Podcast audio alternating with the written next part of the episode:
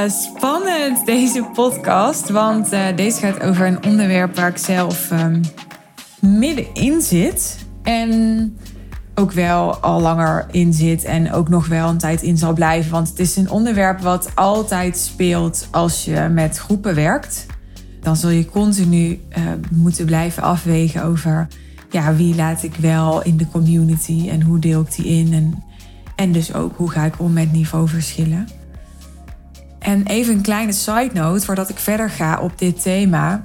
Het is echt expres dat ik een aflevering opneem over iets waar ik zelf nog middenin zit en niet over iets waar ik twee jaar geleden in zat.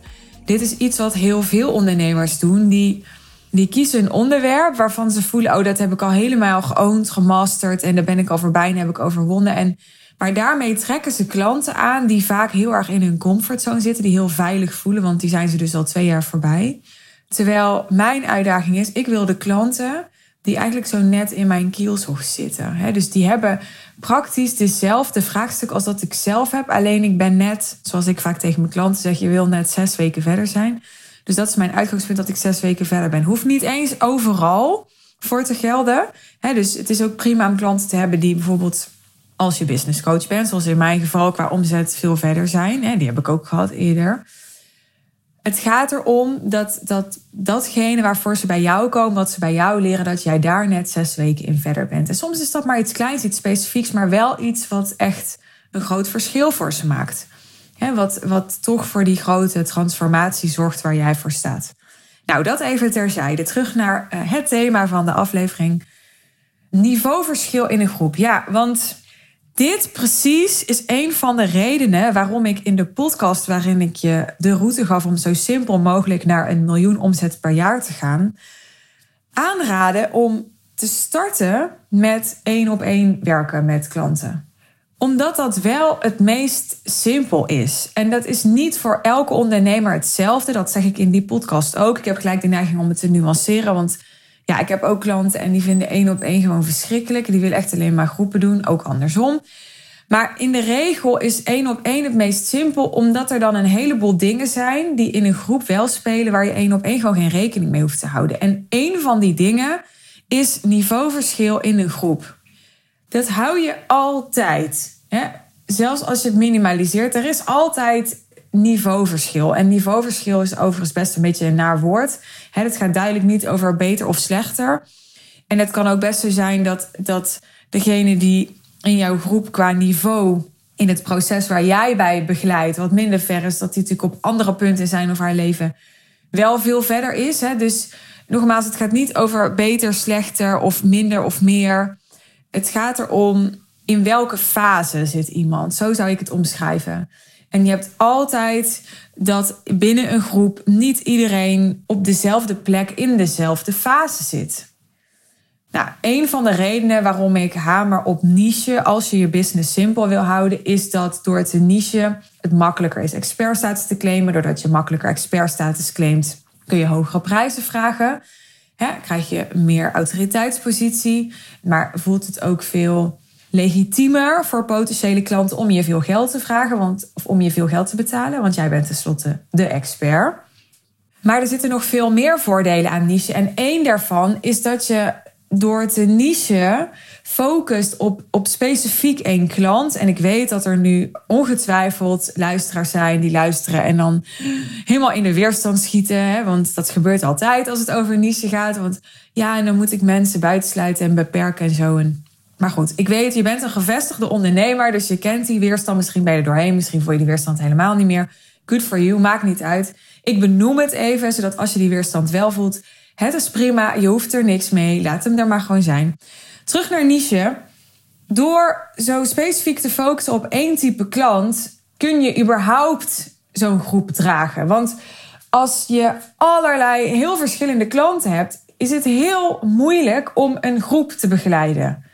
Ik bedoel, ga maar eens een event geven. En ik heb het net gedaan, dus ik heb weer recent ervaring. Waarbij ja, iedereen in die groep eigenlijk een andere behoefte heeft. Ja, hoe ga je dan een programma maken? Hoe ga je dat dan voor iedereen zo relevant mogelijk maken? Is echt dan mega uitdagend. Nou, voor mij geldt, om mezelf even als voorbeeld te nemen, dat is gewoon makkelijk. Niet dat ik het referentiekader ben. Ik zeg er maar even bij. Ik richt me op specifiek één type klant. En dat is de klant die nu al zo om en nabij de 30.000 euro omzet per maand draait. Of meer. En die op korte termijn, dus ja, binnen een jaar, of misschien iets langer dan een jaar, wil doorgroeien naar een miljoen omzet of meer. En dat is een ondernemer die, ja, je kan het kennisondernemer noemen, je kan het transformatieondernemer noemen. Ik heb het ook omschreven als coaches en consultants, maar dat dekt niet de hele lading. Het zijn ondernemers die voor een grote transformatie zorgen. Want daarin ben ik gespecialiseerd om die grote transformatie zo te positioneren in de markt dat mensen de waarde ervan voelen, dat ze er veel geld voor betalen, dat het veel aantrekkingskracht op ze heeft.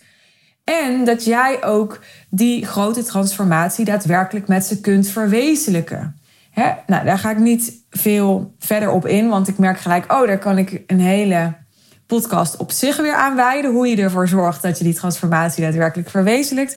Waar het nu over gaat, is dat ik dus één specifieke klant heb waar ik me op richt. Maar in de praktijk ja, trek ik allemaal variaties daarop aan. En wellicht geldt dat voor jou ook. Voor mijn klanten geldt dat meestal wel. Ze zijn bang dat als ze zich richten op, op één persona, dat dan alleen maar die ene persona nog komt. Maar dat is niet zo. iemand hoeft maar net gewoon jou, ja, jou een superleuk mens te vinden. En te denken, ja, ik wil gewoon zo graag bij, bij, um, bij Karin. Want ja, altijd als zij stories maakt, dan, dan word ik daar zo enthousiast van. Hoeft ze misschien niet eens te voelen hè, dat zij de ideale klant is, maar iemand kan toch om allerlei redenen op je aanhaken. Natuurlijk is de kans het grootst dat de mensen aanhaken waar je je op richt, hè, want daar richt je je niet voor niks op. Maar in de praktijk komen er allemaal variaties op die klant. En dat geldt voor mij ook. Wat ik altijd probeer te doen, is me te richten op de bovenkant en dan zie je dat daar een soort laag onder, die wordt daar ook door aangetrokken. Want de laag daaronder, die is altijd aan het kijken naar boven. ambitieuze mensen, en dat is al mijn klanten, die richten zich op one way or another op ambitieuze mensen. En niet altijd ambities als in business of, of geld of, of het kan ook ambities zijn op het gebied van gezondheid. Maar het zijn echt mensen die grote ambities hebben. Want dat rechtvaardigt het ook om zo'n grote investering te doen en om aan zo'n transformatief proces te beginnen dus mensen die grote ambities hebben, die kijken nooit naar beneden wat er onder zich zit. nou ja, in de basis. Die kijken vooral omhoog. Van oké, maar wat is mijn perspectief? Wat is er in de toekomst voor mij mogelijk? Waar werk ik naartoe? Wie kan mij daarbij helpen? Wie is al verder? Wie zijn mijn voorbeelden? Wie zijn mijn rolmodellen? Dus mijn advies is, en dat doe ik zelf ook, ik ben op een gegeven moment in mijn marketingboodschap echt die miljoen gaan claimen. En was toen het merendeel van mijn klanten al die miljoen aan het verdienen? Nee, maar ik ga het claimen. Dit is trouwens weer een aparte podcast. Dat je eigenlijk altijd een marketingboodschap wil claimen waar je in groeit. dus wat veel ondernemers doen, die maken de, de fout, dus aanhalingstekens, om een marketingboodschap te kiezen. Die gaat over nu. Maar marketing doe je vooral ook, voor de klanten die gaan komen in de toekomst. Dus je wil eigenlijk altijd een marketingboodschap kiezen waar je in groeit. Die eigenlijk jou, jouw toekomstperspectief vertegenwoordigt. En waarmee je mensen aantrekt die jou gaan helpen groeien. En niet alleen in volume of in omzet, maar ook in, in niveau, in uitdaging. want als je snel groeit en als je ambitieus bent, ontgroei je ook je klanten. Dus je wil continu eigenlijk je richten op de klant waar je naartoe aan het groeien bent. Nou, je richt je daarop, maar je krijgt dus in de praktijk ook een soort onderlaag. Want die mensen vinden het interessant dat ze in een groep komen waar ze zich aan op kunnen trekken. Die zul je vast wel eens gehoord hebben als je met een groep werkt. Dat mensen het belangrijk vinden. Mensen zeggen vaak ook tegen mij: ja, ik wil niet de, de slimste zijn, de, de beste zijn. Ze willen in een groep komen waarbij ze voelen van: oké, dit is gelijkgestemd. En of hier word ik uitgedaagd of hier, hier, hier kan ik me optrekken, hier kan ik, hier kan ik ingroeien. Maar ja, het lastige daarin is, je voelt hem al, is dat als iedereen ergens in wil groeien, ja, wie is dan degene in zo'n groep aan wie ze zich optrekken, zeg maar, snap je? Dus het niveauverschil maakt dat voor een deel van de groep ze zich op kunnen trekken aan het andere deel van de groep. Maar het deel die, die vooral gebruikt wordt om aan op te trekken, ja, die gaan weer zoiets hebben van ja, maar waar moet ik me aan optrekken? Terwijl dat deel, die bovenkant, dat zijn eigenlijk de meest interessante klanten voor je. want die zijn het, het beste in staat om in weinig tijd grote transformaties te bereiken. Juist omdat ze al ver zijn, omdat ze niet nog heel veel nodig hebben. Omdat ze niet heel veel nodig hebben, zijn het ook interessante klanten. In die zin dat ze niet vaak heel veel aandacht of tijd nog vragen. Dus ze kunnen heel snel en zelfstandig implementeren en integreren. Het zijn over het algemeen de klanten die, die al het meest succesvol zijn. Dus die ook het meest interessant zijn voor je marketing, om in je marketing te laten zien. Maar die bijvoorbeeld ook al vaak succesvol zijn in die zin dat ze welvarend zijn. Dus die kunnen gemakkelijk ook weer in een, in een upsell of in een vervolg investeren. Het hangt natuurlijk heel erg af van je niche en, en type business dat je hebt. Maar in de regel is dat hoe het werkt. dus je wil eigenlijk die bovenkant, die wil je gebruiken, dus aanhalingstekens om die onderkant naar die bovenkant toe te laten groeien. Zodat er ook een soort doorstroom is. Maar dit is echt, ja, dit is best wel hogere wiskunde hoor. dit is echt, want, want je wil die onderkant, die, die heb je aangehaakt te houden.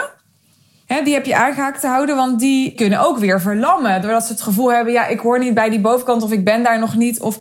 Dus de, de truc zit hem erin om te zorgen dat dat niveauverschil eigenlijk zo klein mogelijk is. Want hoe groter dat is, hoe moeilijker het is om iedereen aangehaakt te houden en voor iedereen optimaal relevant te blijven. En dus die grootst mogelijke transformatie te faciliteren voor iedereen waar jij voor staat met je business. Dus je wil dat zo klein mogelijk houden. En dat is het proces waar ik nu in zit. Wij werken op dit moment met, uh, met twee pots binnen de Real Deal. Dus pot 1, daarvan heb ik steeds gezegd, nou die zitten zo tussen de 10 en 30.000 euro omzet per maand. En pot 2 zijn ondernemers die al 30.000 euro omzet of meer per maand draaien, gemiddeld genomen. Maar wat ik merkte is dat het eigenlijk interessanter werd om de mensen die in pot 2 zitten, in de meer geavanceerdere groep, te selecteren op ambitie. Want ik heb echt mensen bij mij binnen zien komen die, die eigenlijk praktisch opnieuw begonnen.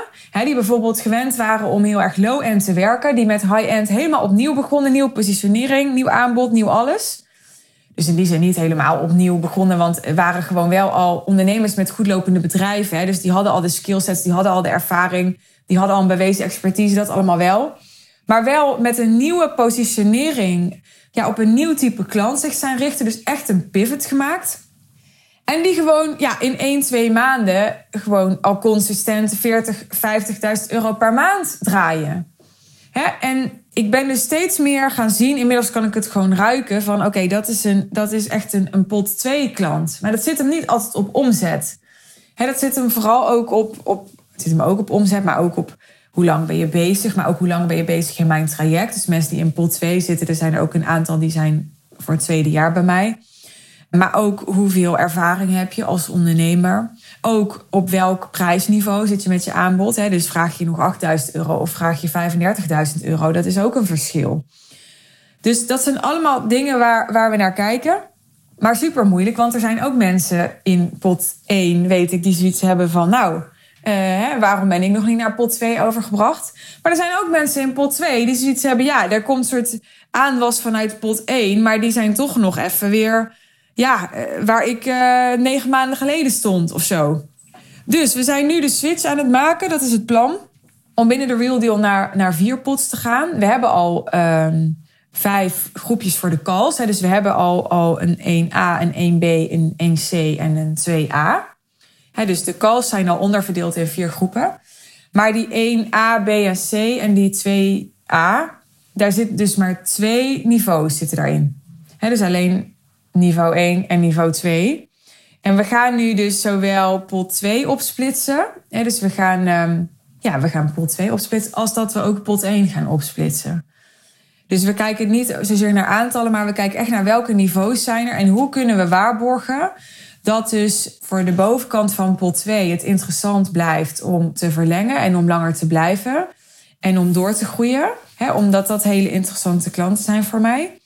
Maar we willen ook dat er meer, meer doorstroom is. Dus dat mensen, als ze in pot 1 komen, dat ze ja, echt nog, nog dus drie stappen hebben waarin ze kunnen groeien binnen mijn aanbod, binnen de Real Deal. En we willen die doorstroom, waarbij we eigenlijk natuurlijk die onderkant steeds zo klein mogelijk willen houden. Die focus zit altijd op die bovenkant. Dus in de onderkant kunnen mensen instromen, maar wel met het doel dat ze heel snel doorstromen. En die potentie moet er ook zijn. Dat moeten we ook zien, anders gaan we er ook niet aan beginnen.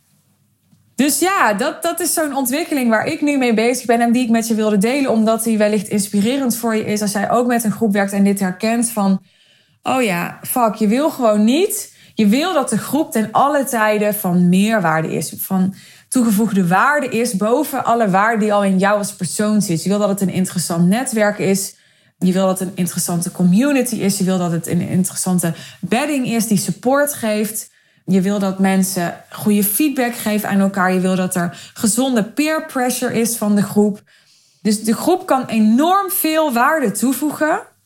Maar er komen wel groepsdynamieken bij kijken. En er komt wel iets bij kijken als, maar hoe ga je dus om met die niveaus? En dat goed te blijven waarnemen en op tijd te anticiperen naar, oké, wat welke beslissing moet ik nemen om te zorgen dat die verschillen niet te groot worden en niet in ergernis worden.